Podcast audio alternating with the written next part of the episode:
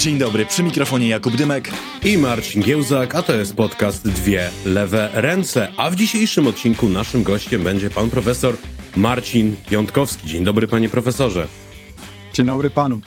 Dzień dobry. A pretekst do tej rozmowy stworzyła nam najnowsza książka pana profesora Złoty Wiek, która właśnie ukazała się nakładem wydawnictwa Prześwity. Książka, która ma podtytuł Jak Polska została europejskim liderem wzrostu i jaka czeka ją przyszłość, gdyby inny podtytuł już nie był zajęty przez bardzo rozpoznawalnego autora, to ja bym powiedział, że to są takie myśli nowoczesnego Polaka. Bo ta książka jest na wskroś nowoczesna, e, ostra, czasami wręcz brutalna względem polskiej przeszłości, e, obiektywna, jeżeli chodzi o polską e, teraźniejszość i patrząca przynajmniej z umiarkowanym optymizmem na polską e, przyszłość, a chyba jej ramową tezę, czy taką podwójną ramową tezę można by streścić następująco.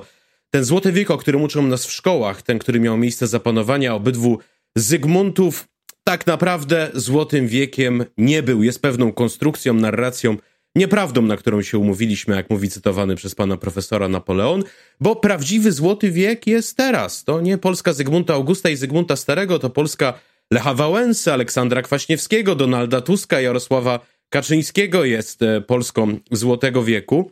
I muszę przyznać, że jak czytałem o tym pierwszym Złotym Wieku, to trochę podchodziłem do tego jak do naszej kadry piłkarskiej, to znaczy niby człowiek wiedział, a jednak się łudził, czyli no niby wiedzieliśmy, że Polska u szczytu potęgi nie była tak bogata jak zachodnia Europa, ale że miała 50% PKB e, per capita ówczesnych Włoch, to jednak jakoś mnie zabolało.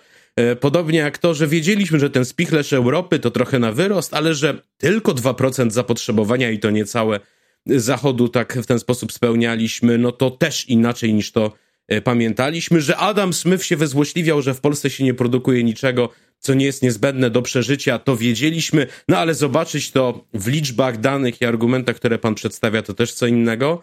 Um, że mieliśmy wskaźnik urbanizacji najgorszy w całej Europie, y, w Polsce przedrozbiorowej. No nie wspominam już o takich rzeczach, o których, na, na, na temat których wiele atramentu przelano, brak praworządności, pozbawienie mieszczanina praw y, obywatela, chłopa praw człowieka.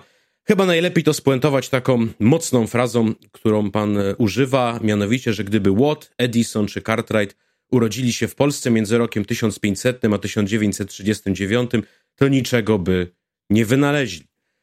Dużo kontrowersji, na pewno do tego wrócimy, ale nie mniej kontrowersji będzie a propos Polski współczesnej, z kolei tego bardzo pozytywnego wizerunku, który pan rysuje. No bo tutaj nie jeden Polak powie, dzisiaj jest złoty wiek, przecież pensje mamy niskie, jakość usług publicznych marną, elity polityczne godne pożałowania, Jesteśmy w przededniu potężnego strajku sfery budżetowej. Mamy aferę wizową. Państwo nie działa. Jesteśmy daleko za Europą Zachodnią, więc o jakim złotym wieku tutaj można mówić, więc chciałbym dać panu możliwość e, obronienia się przed tym oczywistym zarzutem, że złoty wiek niby jest, a Polacy Dziękuję nie bardzo czują. za e, świetne pytanie i za przedstawienie w skrócie kilku głównych przesłań książki. Rzeczywiście e, pokazuje w książce, że ten nasz XVI złoty wiek był złotym wiekiem na pewno, jeśli chodzi o nasze wpływy kulturowe, o o geograficzną rozciągłość od e, Morza Bałtyckiego po Morze Czarne przez naszą pozycję w regionie, ale tego, co nasze podręczniki historii nie pokazują, to właśnie to, tego, że już wtedy gospodarczo odstawaliśmy od liderów gospodarczych Europy, wtedy to były Włochy i Holandia, a później już było tylko gorzej. Przez kolejne 400 lat byliśmy gospodarczej stagnacji i relatywnie do poziomu rozwoju najbogatszych krajów um, Europy Zachodniej po prostu coraz bardziej traciliśmy dystans. I dopiero teraz, w czasie trwania trzeciej RP, dogoniliśmy Zachód, jeśli chodzi o poziom dochodów, e, uwzględniający poziom cen, czyli fakt, że cały czas fryzjer w Milanówku kosztuje mniej niż w Mediolanie. Te nasze dochody i poziom i jakość życia jest najwyższy w historii, ale też relatywnie mamy w tej chwili do czynienia z najmniejszym dystansem do czołowych krajów Zachodu w całej naszej tysiącletniej historii, również biorąc pod uwagę ten XVI wiek. E, jak Polacy na co dzień się zrzymają na elity, na jakość ochrony zdrowia, na to, na afery, to oczywiście mają rację, ale ja w książce i w jej e, w aktualizacji, która właśnie teraz została opublikowana, e, staram się przyjąć taki geograficzny, emocjonalny i historyczny dystans. Wiele rzeczy, o których dzisiaj mówimy, za kilka lat nie będziemy ich nawet pamiętać. Pozostanie jednak e, to i pewnie z perspektywy historycznej za, za kilka dekad, dekad, myślę, że tak będziemy patrzeć na to ostatnie 33 lata, że po raz, pier, po raz pierwszy gospodarczo coś na się, się nam w historii udało. Przez te ostatnie 33 lata transformacji każdy Polak średnio zwiększył swoje dochody razy trzy. E, żaden kraj w regionie, wśród tych krajów, które też przychodziły transformacje, nie osiągnął takiego sukcesu, a w tym samym czasie na przykład Niemcy podwyższyli swoje dochody po 1989 roku tylko o 40%. Więc to pokazuje, jak wiele żeśmy zrobili, co oczywiście nie oznacza, że była, ta transformacja była idealna, bo myślę, że ich głównym problemem i pewnie wskazówką i powodem, dla którego na przykład kiedyś narracja Polska jest w ruinie w 2015 roku miała takie powodzenie, bo nawet jeśli rzeczywiście Polska poszła do przodu i dogoniła Zachód w stopniu wcześniej zupełnie nie mającym e, miejsca, no to jednak dochody części Polaków wzrosły razy 30, a innej części tylko razy 1 trzecia. I to jest oczywiście jednym z mankamentów, oprócz jeszcze kilku innych transformacji, z którą myślę cały czas się borykamy, jeśli chodzi też o konsekwencje polityczne, społeczne, ekonomiczne i kulturalne. Panie profesorze, ja czytając po raz wtóry książkę, bo przecież nie rozmawiamy po raz pierwszy, szczególną uwagę zwróciłem na ten rozdział, który w takich detalach opisuje stan umysłu elity szlacheckiej w tym minionym złotym wieku. Pan zwraca tam uwagę na takie cechy jak niechęć do inwestycji, niechęć do państwa centralnego, niechęć do podatków, nieufność do instytucji władzy e, państwowej. No i tak sobie czytając, to myślałem, kurczę, no zupełnie jak ekonomiści z telewizora. I chciałbym dopytać, czy ta, to szyderstwo, które ja tam wypatruję i ta trochę zabawna, a trochę przewrotna analogia została tam przez pana zawarta celowo, czy to tylko moja publicystyczna wyobraźnia podpowiada mi, że stan elit w wieku XVI-XVII i ich niechęci do państwa trochę odzwierciedla stan umysłu części dzisiejszych ekonomistów z ich obawą przed inwestycjami publicznymi, podatkami i aktywnym, czynnym, biorącym udział w życiu gospodarczym państwem. Zgoda. Ja myślę, że polskie elity pierwszej RP, w szczególności e, wiek przed, im bliżej do rozbiorów, tym myślę było gorzej, ale i tak to był zbiór wartości e, kulturowych, zbiór wartości światopoglądowych, które były tak daleko ekstremalne, że nawet dzisiaj Konfederacja ze swoimi pomysłami, antypaństwowymi pomysłami byłaby uważana za propaństwowców w czasie pierwszej RP. Gro polskiej arystokracji, bo to jednak oni rządzili, to był oligarchiczny system rządzony przez kilku najbogatszych oligarchów, których dobrze ich nazwiska dobrze znamy od Radziwiłłów po koniec Polski, po kilku innych, z, prze, z przekupioną przez nich częścią szlachty, robił wszystko, żeby stworzyć, a później podtrzymać oligarchiczny system, e, który był dobry dla tych elit, bo przecież Radziwi właściwie nie ma żadnych ograniczeń i w jego interesie było to, żeby po pierwsze e, państwo było słabe, żeby mówiąc kolokwialnie nie wtrącało się w jego własne interesy. On zresztą miał własną, własne dochody, własną prywatną armię, własne sądy, e, własne miejsce na ziemi. Więc w jego interesie nie, nie było budowanie e, państwa praworządności, e, nawet rozbudowa gospodarki.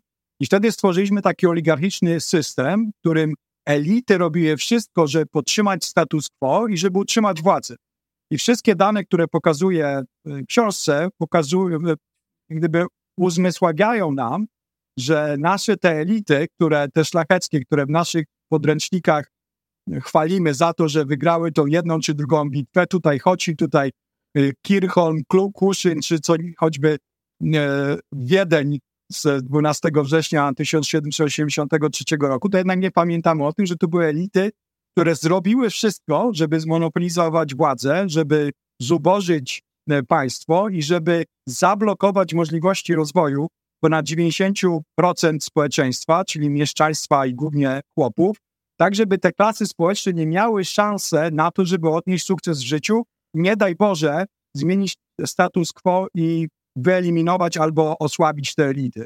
E, I mówię to na przykładzie Polski. Ten system oligarchi oligarchiczny pod wieloma względami, taki antypaństwowy, trwał e, aż prawie że do końca drugiej RP. Oczywiście się wiele wtedy zmieniło, no ale nawet z drugim RP, tutaj podaję jeden z takich e, danych, które myślę uzmysławia tą oligarchiczność. W 1938 roku, zaraz w przededniu II wojny światowej, studiowało 1,2% Polaków. To byli tylko Polacy, córki i synowie najbogatszych Polaków, bo resztę polskiego społeczeństwa nie było na, na studia stać. I to nie było tak, że Polska była biedna i nie mogła sobie pozwolić na e, rozszerzenie dostępu do edukacji. To wynikało systemowego podejścia, ciągnącego się jeszcze od czasu pierwszej RP, który mówił o tym, że ważne, żeby elity się wyżywiły. Tu to też jest jakaś analogia z tym, co, się, co dzieje się teraz w Polsce, a reszta społeczeństwa niech sobie sama radzi. Więc ten system oligarchiczny nie zadziałał w czasie pierwszej RP, bo oczywiście skończyło się wielkim wstydem i, i upadkiem państwa. Druga RP, mimo tych wszystkich ładnych opowieści o drugiej Gdyni, o centralnym okręgu przemysłowym, prawda jest taka, i tak to pokazują dane, że w przededniu II wojny światowej dystans pomiędzy Polską a rozwiniętym Zachodem był w najlepszym przypadku tak wielki, jak w przededniu I wojny światowej. Więc przez ten cały czas, mimo niskiego poziomu startu, mimo tego, że biedne kraje powinny rosnąć szybciej, doganać, doganiać bogate kraje, gospodarczo niestety druga RP była porażką. I myślę, ja sobie że, pozwolę. Że tych... Dobra, mhm, ja tak. sobie pozwolę jednak to pytanie odrobinę jeszcze podrążyć, bo sam pan w części wzmiankowanego przeze mnie rozdziału dokonuje takiego porównania, mówiąc o tym, że magnaci pierwszej Rzeczpospolitej zbudowali sobie utopię, która zachwyciłaby amerykańskich libertarian, albo wręcz zostawiłaby ich daleko w tyle. Stąd moje pytanie o współczesność i pytanie o to, czy w wypowiedziach, które dzisiaj są również tak samo nieufne wobec inwestycji publicznych, e, podatków czy aktywnego państwa, widzi pan echa tej szlacheckiej mentalności, czy to byłoby porównanie trochę na wyrost?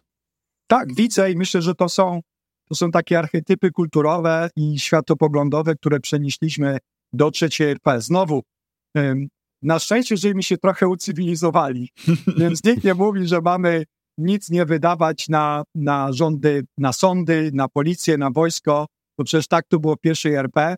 Y, pod koniec, zaraz przed rozbiorami, w Polsce, ile dobrze pamiętam, było chyba tylko 250 urzędników w całym państwie opłacanym y, z kasy państwa. To pokazuje, jak nieistniejące to państwo było. Jeden z y, innych autorów w Polsce, pan Sowa, nazwał to kiedyś fantomowym państwem i myślę, że mhm tutaj się co do tego zgadzamy. Pols, polski, pierwsza RP e, prawie że nie istniała, była tylko takim kolekcją, zestawem prywatnych państwek rządzonych przez różnego rodzaju konfederatów, z których niestety większość skończyła e, w Targowicy, bo dla nich ważniejszy był interes klasowy podtrzymania, utrzymania swoich majątków, nawet za cenę e, poddania się i utraty niepodległości, niż zmiany społeczne, które by które, były, które już wtedy działy się na Zachodzie i które były kluczowe, żeby Polskę ochronić przed upadkiem. Co do dzisiaj, to myślę, że tak, e, wiele,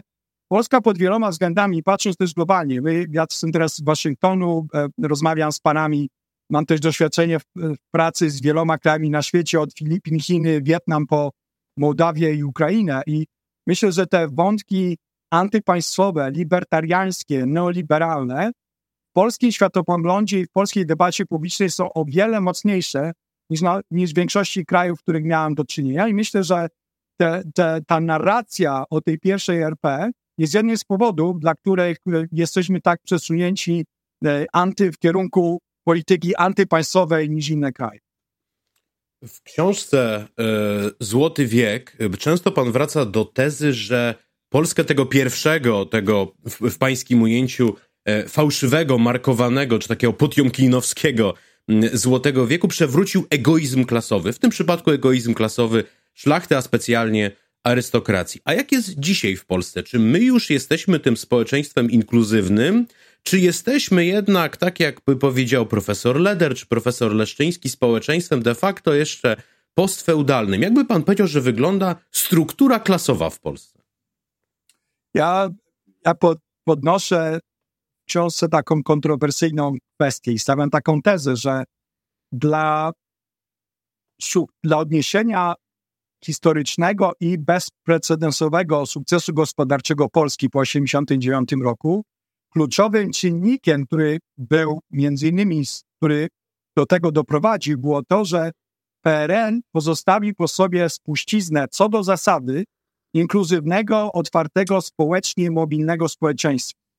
Wiele rzeczy oczywiście się nie udało i PRL zbankrutował, ale rzeczywiście w 1989 e, prawie znowu, co do zasady, bo przecież niektórzy mieli znajomości e, w partii, byli związani z SB, mieli jakieś inne kontakty, owszem, ale co do zasady, jako społeczeństwo, praktycznie, że startowaliśmy prawie, że z tej samej linii startu. Jak się dzisiaj popatrzy na listę polskich miliarderów na, z, z Forbesa, no to jednak to są nazwiska, które z nic z arystokracją, szlachtą czy jakimiś e, komunistycznymi aparatczykami nie mają wiele wspólnego. Więc e, ta inkluzywność była kluczowa i ona miała miejsce pierwszy raz w naszej historii. Nigdy wcześniej, że ktoś się urodził e, chłopem albo ktoś się urodził jakimś zubożałym mieszczaninem, nigdy w historii nie miał takiej możliwości rozwoju jak po 1989 roku. Co mnie jednak martwi, i myślę, że ta aktualizacja książki też to, to pewnie podkreśla, ja się trochę pomyliłem tej oryginalnej wersji książki, bo mówiłem o nierównościach w Polsce, bazując na oficjalnych danych, danych statystycznych dostępnych z GUS-u i z Eurostatu. No i przedstawiałem taką e, fajną historię, bo oryginał książki napisałem po angielsku dla, dla globalnego czytelnika. No, chwaliłem się więc z tym, że Polska nie tylko została europejskim i światowym liderem wzrostu, ale jednocześnie ten wzrost y, miał miejsce bez znaczącego podniesienia nierówności. No i tutaj się trochę myliłem, bo 12, przynajmniej nie wiedziałem o tym, bo w 2017 roku takie badania nie były dostępne.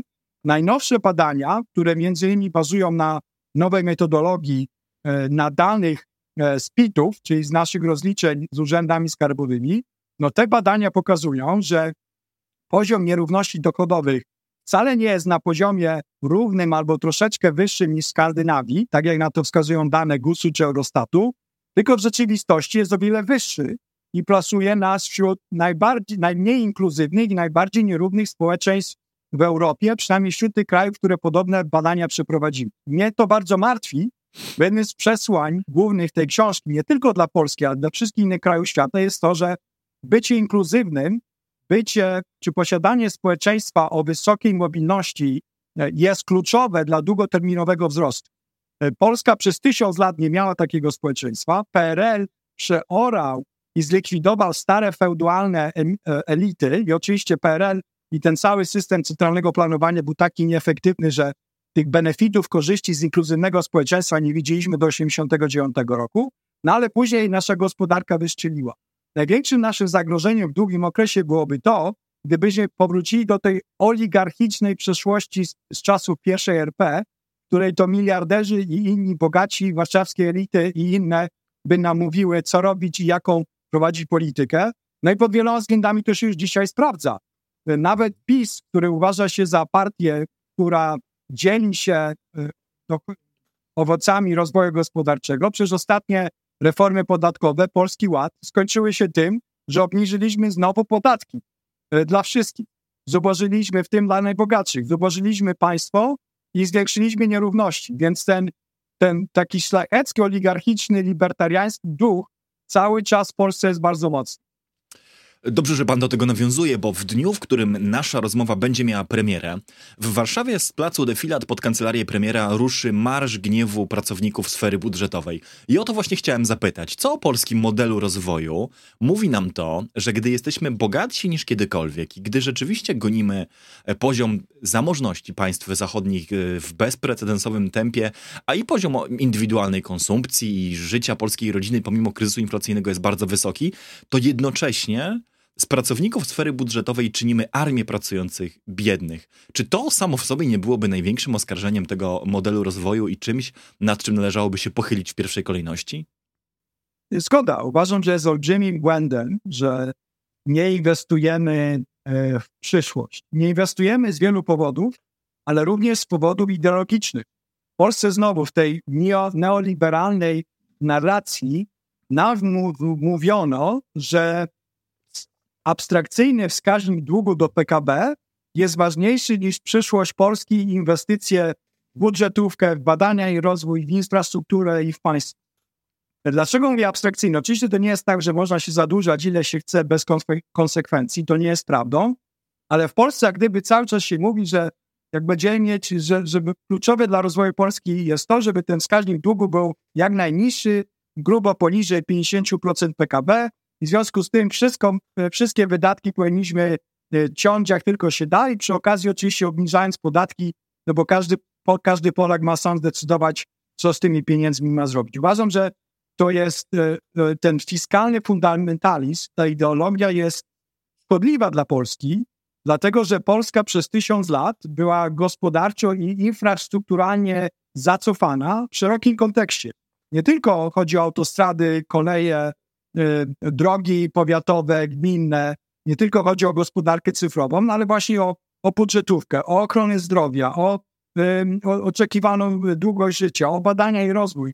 Praktycznie wszędzie, gdzie patrząc, jesteśmy daleko za tymi krajami, do, z którymi chcemy się porównywać. Od, począwszy od Niemców do całej reszty. Więc boli mnie to, że zamiast mówić o tym, jak to niby zadłużamy nasze, nasze kolejne pokolenia, chociaż nie sądzę, żeby każdy, jakikolwiek Polak pamiętał moment, w którym by musiał cokolwiek, cokolwiek wyjąć ze swojej kieszeni, żeby zapłacić za polski dług. Ja takiego momentu nie pamiętam.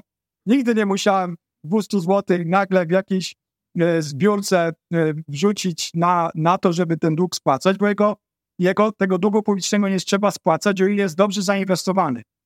I w Polsce miejsc na to, żeby y, dobrze zainwestować y, y, w rzeczy, które będą mieć wysokie stopy zwrotu, jak wczesnoszkolna edukacja, od, od żłobków wyżej, przez podstawówkę, przez szkołę średnią, przez oczywiście uniwersytety, gdzie dzisiaj polscy profesorowie niedługo będą zarabiać mniej niż kierowniki Biedronki czy, czy Lidla.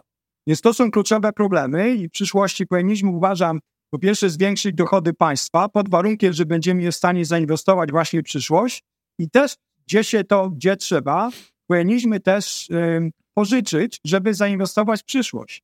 Tak samo jak my wszyscy pożyczamy pieniądze, zadłużamy się, żeby sobie kupić mieszkanie, tak jak wszyscy przedsiębiorcy zadłużają się, żeby kupić maszyny i inwestować w przyszłość, tak samo Polska powinna też E, finansować inwestycje, które zdecydują o tym, czy te 33 lata najlepsze w naszej historii, czy będziemy je w stanie przedłużyć na kolejne 33 lata.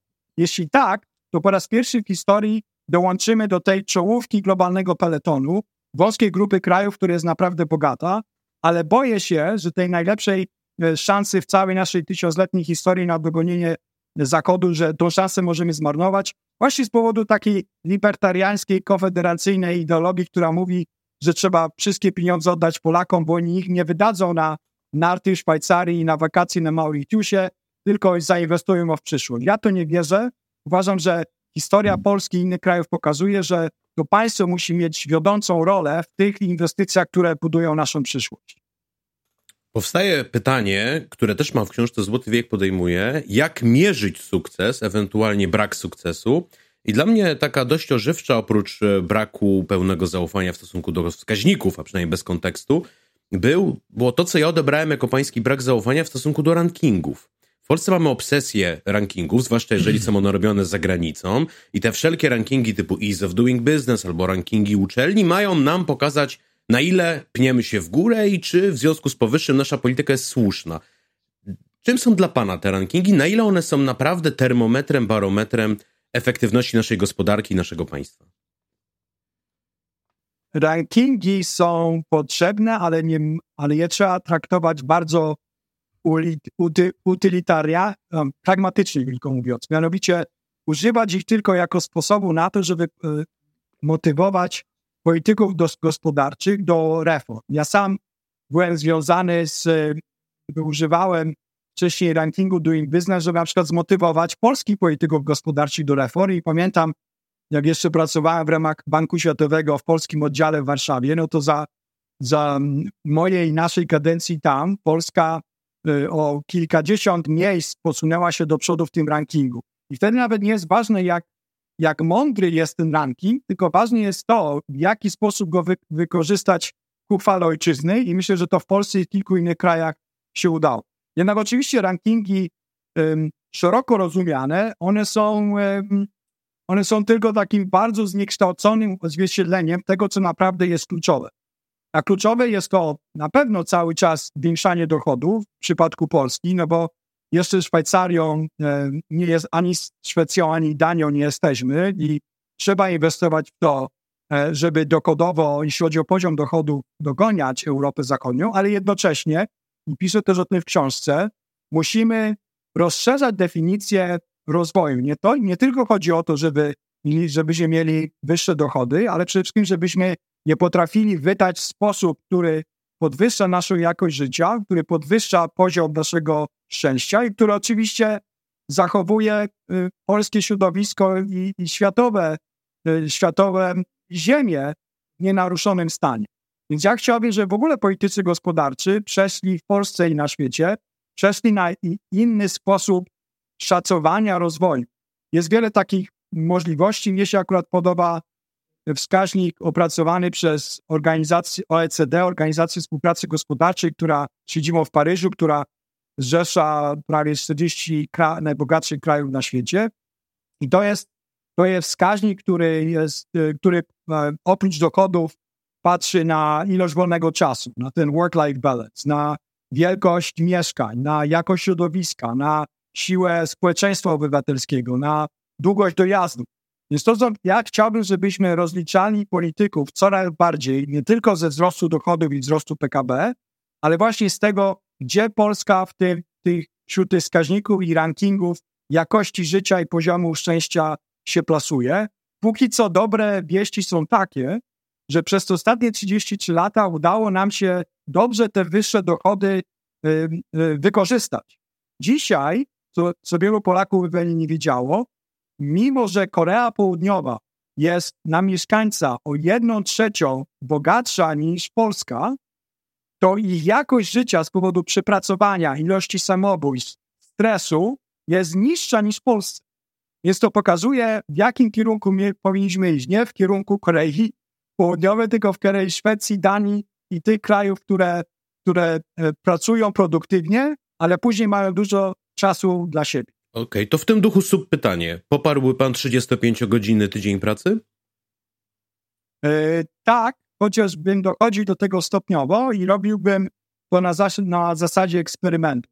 Już też w książce jeden z pomysłów, e, jaki miałem, może dwa nawet pomysły, e, to jeden, e, no ja sam pracując w Banku Światowym, jest taka możliwość, że co dwa tygodnie można mieć piątek wolny, o ile się pracowało dłużej w międzyczasie. Więc to już jest jakiś pierwszy krok na to, żeby sobie, żeby pracować czasami więcej, czasami mniej i mieć po prostu więcej czasu dla siebie. Uważam, że też warto by wprowadzić pomysł tak, takich urlopów intelektualnych, zdrowotnych, jakkolwiek by to nazwać, które by polegały na tym, że co jakiś czas, co 7-10 lat, każdy Polak mógłby na pół roku czy na rok wziąć sobie urlop e, z gwarancją powrotu do pracy i z tym czasem zrobić cokolwiek tylko chce. Właśnie podjąć studia, wybrać się w podróż do, do, dookoła świata, podratować zdrowie, cokolwiek by to było. Więc myślę, że takich zestaw takich pomysłów powinien nas stopniowo prowadzić bliżej do świata, w którym pracujemy mniej, ale wydajniej. Dzisiaj Polacy bardzo dużo pracują, prawie 1900 godzin rocznie. Niemcy pracują prawie 500 godzin mniej. Więc chodzi o to, że znowu nie być Koreańczykami, którzy pracują ponad 2000 godzin rocznie i prawdę mówiąc, oni wytwarzają wysokie dochody, wysokie PKB na głowę, ale, ale one jest związane z tym, że po prostu bardzo dużo pracują. Koreańczycy są o wiele mniej wydajni, gdyby to policzyć, gdyby podzielić ten dochody na ilość godzin pracy. Więc Polska nie powinna się tutaj inspirować Koreą Południową akurat w tym kontekście, tylko właśnie Niemcami i zachodnią Europą, czyli jak pracować mniej, ale tak, żebyśmy byli co najmniej dwa razy, żebyśmy byli dwa razy wydajni, bardziej wydajni, akurat na, na poziomie wydajności Niemiec, bo cały czas tak wiele nam do nich brakuje. Szukam jakiegoś punktu, gdzie moglibyśmy się e, pospierać, bo póki co idzie nam dość e, zgodnie, a dobra tradycja naszych rozmów jest taka, że jednak bierzemy naszych gości pod włos. To może powiem tak. A czy nie jest tak, że polskiemu establishmentowi ekonomicznemu potrzeba trochę większego szoku? Trzeba im powiedzenia na przykład, że e, jeżeli chodzi o obecny kryzys inflacyjny, to ekonomia neoklasyczna myliła się po całości. I po prostu trzeba odejść od pewnych paradygmatów, uznać dokonania ekonomii heterodoksyjnej, nie wiem, post-keynesistów, kaleckianistów, nowoczesnej teorii monetarnej i po prostu zacząć analizować te wielkie kryzysy w inny sposób, bo inaczej po prostu będziemy dalej tkwili w błędnym kole tych samych recept. Co pan myśli o heterodoksyjnych nurtach ekonomii? Ja myślę, że każde podejście, nowe podejście jest y, ważne i użyteczne. W ogóle ekonomia to nie jest fizyka. Y, to jest nauka społeczna, która, Dlatego ma nurty. która się nie rządzi jakimiś trwałymi y, prawami, może z kilkoma wyjątkami. Nie ma teorii grawitacji, nie ma innych podstawowych rzeczy, które nie jesteśmy w stanie zmienić. Ekonomia cały czas ewaluuje. Dla mnie ekonomia jest nie jakimś zbiorem oświeconych praw, praw, tylko bardziej sposobem podejścia do analizowania rzeczywistości. I rzeczywiście ta rzeczywistość cały czas się zmienia, no bo przecież społeczeństwa, gospodarki e, cały czas ewaluują i do tego też musimy dostosować nasze analizy, nasze instrumentarium, e, nasze ekonomiczne metodologie. I tutaj zgoda, że ekonomia stała się, szczególnie przez ostatnie kilka dekad, bardzo zamknięta w sobie, bardzo skupiona na, na sobie, bardzo zmatematyzowana i ortodoksyjna, również dlatego, że to było zgodne z interesami globalnych kapitalistycznych elit.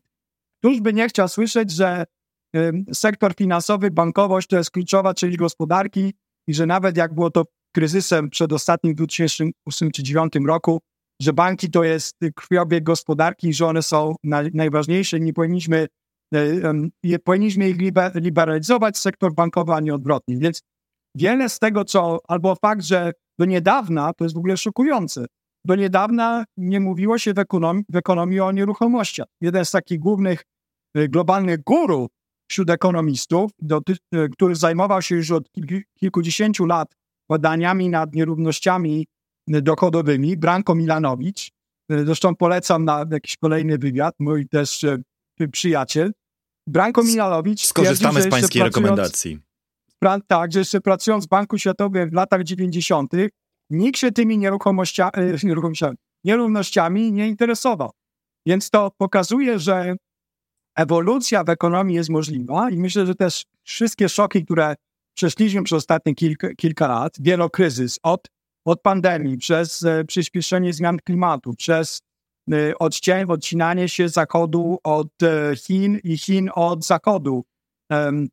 Oczywiście restrukturyzacja i zmiana globalnych łańcuch dostaw, to wszystko sprawia, że powinniśmy od tej ortodoksji odchodzić i zresztą ja napisałem też w książce, myślę, tą książkę właśnie w takim duchu ekonomii jako nauki społecznej szeroko zarysowanej. Na przykład jeden rozdział mówi o, o kulturze to w ekonomii się zajmuje kulturą, a myślę, że to jest kluczowe, bo te wartości kulturowe, te archetypy, którymi się kierujemy w życiu i społecznym i gospodarczym, również są kluczowe dla długoterminowego rozwoju.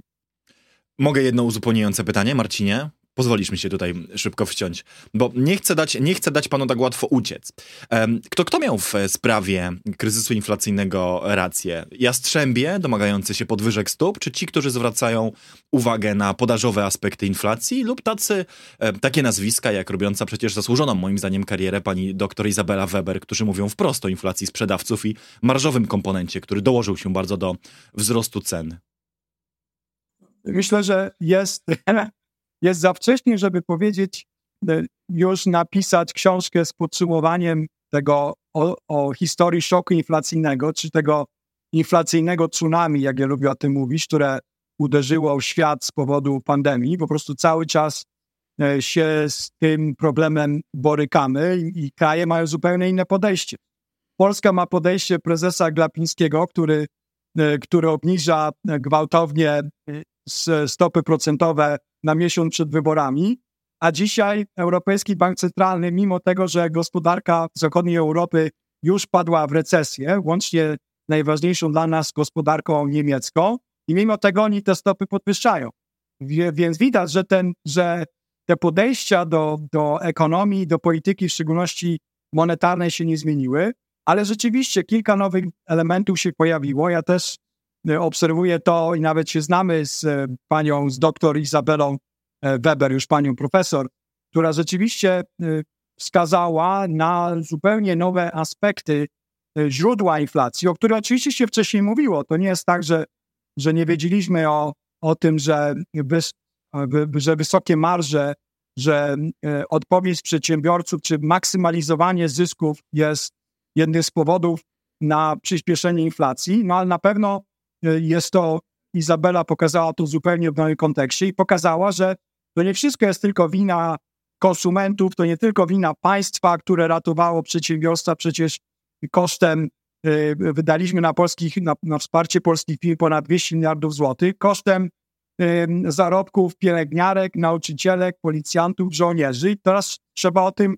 jasno mówić. Na przykład jak polscy przedsiębiorcy się skarżą, że państwo nic im nie daje i że w ogóle państwo powinno im dać spokój, no to powinniśmy wspomnieć o tym, że mówili dokładnie odwrotnie w marcu 2020 roku, kiedy, kiedy wszyscy mówili, że państwo powinno dać jak najwięcej pieniędzy jak najszybciej. No i teraz między innymi kosztem tamtej akcji ratowniczej jest to, że tą inflacją się borykamy, ale zgoda, że oprócz tego, te, tych, tych czynników popytowych, po prostu pewnie z, z dzisiejszej perspektywy wydaliśmy na przedsiębiorców za dużo, za szybko, no to te, te, te elementy podażowe też są kluczowe. Nie tylko właśnie zyski, wyższe zyski przedsiębiorstw, bo do niedawna poziomy rentowności polskich przedsiębiorstw europejskich i światowych biły historyczne rekordy, no na przykład takie fakty jak monopolizacja rynku. Część cen rosła dlatego, że nie ma wystarczającej konkurencji na wielu rynku, rynkach i wiele również monopolistów de jure albo de facto była w stanie podwyższać e, cen i nikt nie mógł tego e, zabronić. Więc to są ważne wnioski na przyszłość i myślę, że to, te lekcje będziemy musieli jeszcze długi czas przerabiać, żeby jak kolejny szok nas dotknie, a na pewno nas dotknie, żebyśmy byli mądrzejsi. Jakub, ty się spierałeś, to teraz ja się pospieram. E, w książce Złoty Wiek nie tylko jest tak optymistycznie, jak mówiliśmy, tam są też pasusy poświęcone temu, co musi się wydarzyć, żeby ten polski rozwój trwał, ponieważ może być też tak, że skręcimy w niewłaściwym kierunku i że Polska już tak dobrze rozwijać się przez kolejne 30 lat nie będzie. I jednym z tych zagrożeń, które pan wymienia, jest populizm. I zastanawiam się, jak pan ten populizm na własny użytek definiuje i czy zgodziłby się pan ze mną, że może być coś takiego jak dobry populizm albo prorozwojowy populizm. Populizm na przykład w stylu Luli w Brazylii, populizm, który osłabia oligarchiczne nadużycia, a z kolei wzmacnia ten ciąg ku górze e, szerokich mas i że populizm może być paradoksalnie szansą dla Polski. Bardzo dobre pytanie. Więc, więc definicji populizmu jest bardzo dużo, również w zależności od tego, kto jakie ma interesy i na kogo głosuje.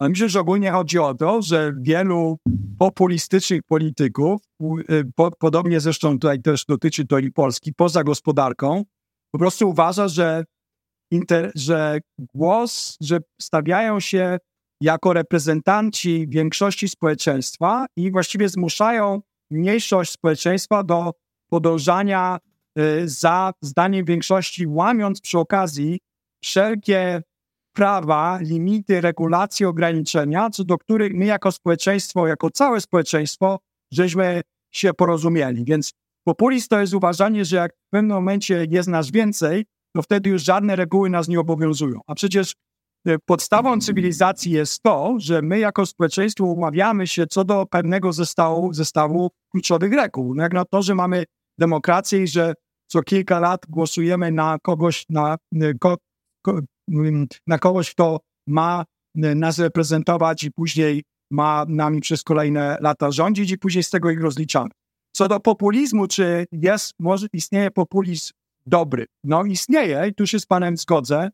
E, przykład Luli sprzed e, z jakiegoś czasu, sprzed kilku lat. Zobaczymy, jak będzie wyglądać jego nowa kadencja w Brazylii. Przecież Lula z początku lat 2000, no to jest Lula, która który zmienił Brazylię nie do poznania, który zmniejszył nierówności, który dramatycznie zredukował poziom biedy, który pokazał, że wbrew temu, co mówiły rynki, e, Brazylia może się rozwijać i może jednocześnie e, się być bardziej inkluzywna, pomagać tym, którzy na tym rozwoju do tej pory najmniej zyskali.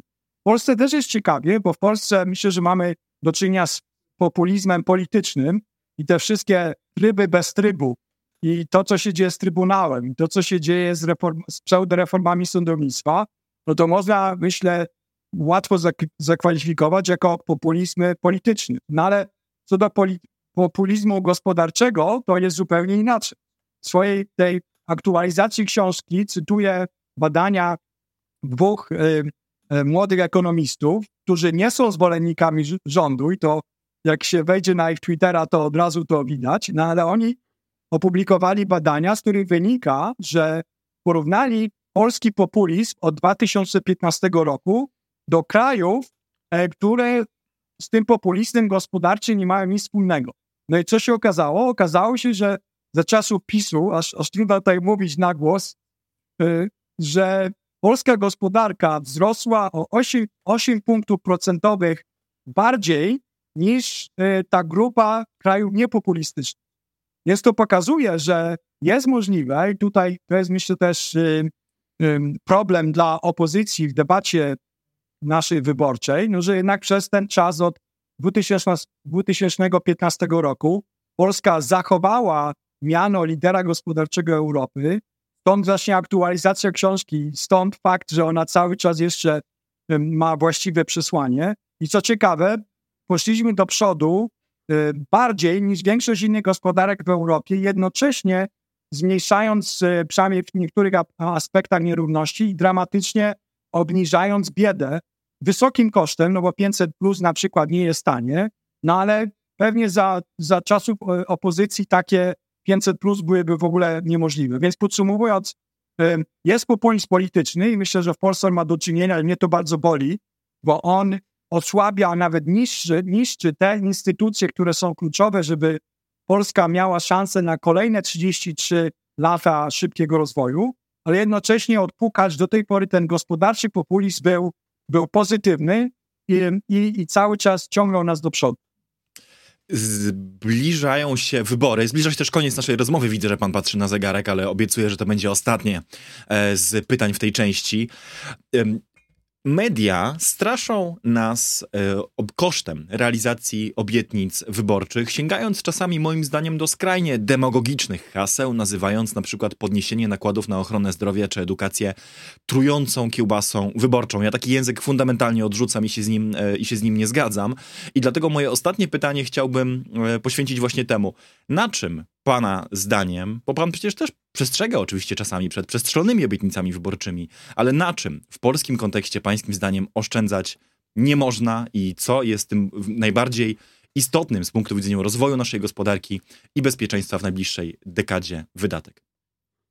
Nie można oszczędzać na tym, co jest kluczowe dla, dla długoterminowego rozwoju i powtórzę, dlatego żeby wykorzystać największą w naszej całej tysiącletniej historii szansę na to, żeby rzeczywiście ten Zachód szeroko pojmowany dogonić, jeśli chodzi o, o poziom dochodu, jakość życia e, i, i, i poziom rozwoju cywilizacyjnego. Jesteśmy w tym kluczowym punkcie teraz. Wiele już osiągnęliśmy, ale cały czas jesteśmy na poziomie, korzystając z piłkarskiej analogii, Ligi Konferencji albo, albo w najlepszym przypadku Ligi Europy i daleki, daleko nam bardzo do, do Ligi Mistrzów. I żeby do tej Ligi Mistrzów się dostać, której jest bardzo mało zespołów czy bardzo mało krajów, my musimy cały czas w nasze w siebie i w nasze państwo inwestować. Ja, ja te kierunki nazwałem y, jakiś czas temu 5I. Uważam, że Polska i po części niektóre y, programy gospodarcze to odzwierciedlają. Powinniśmy inwestować w instytucje, inwestycje, innowacje, imigrację i inkluzywność. I może krótko powiem o tych pięciu punktach. Instytucje, czyli rządy prawa, niezależny bank centralny, kompetentna administracja, wolne media, demokracja, to są instytucje, które żeśmy zaabsorbowali z Zachodu w ciągu ostatnich 30 lat po raz pierwszy w historii i nie ma sensu szukanie trzeciej drogi, nie ma sensu mówienie, że mamy jakieś lepsze rozwiązanie. Te te instytucje trzeba wzmacniać i pogłębiać, a nie osłabiać je tak jak przez ostatnie e, lata. Po drugie, inwestycje. Uważam, że Polska dramatycznie za mało inwestuje w swoją przyszłość. Wydajemy, jeśli chodzi o inwestycje publiczne, tylko 4% PKB.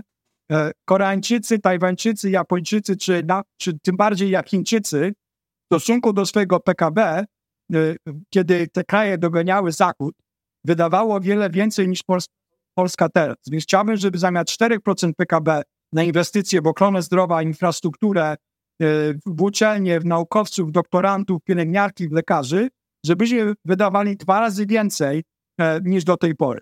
No oczywiście innowacje to temat na osobną dyskusję.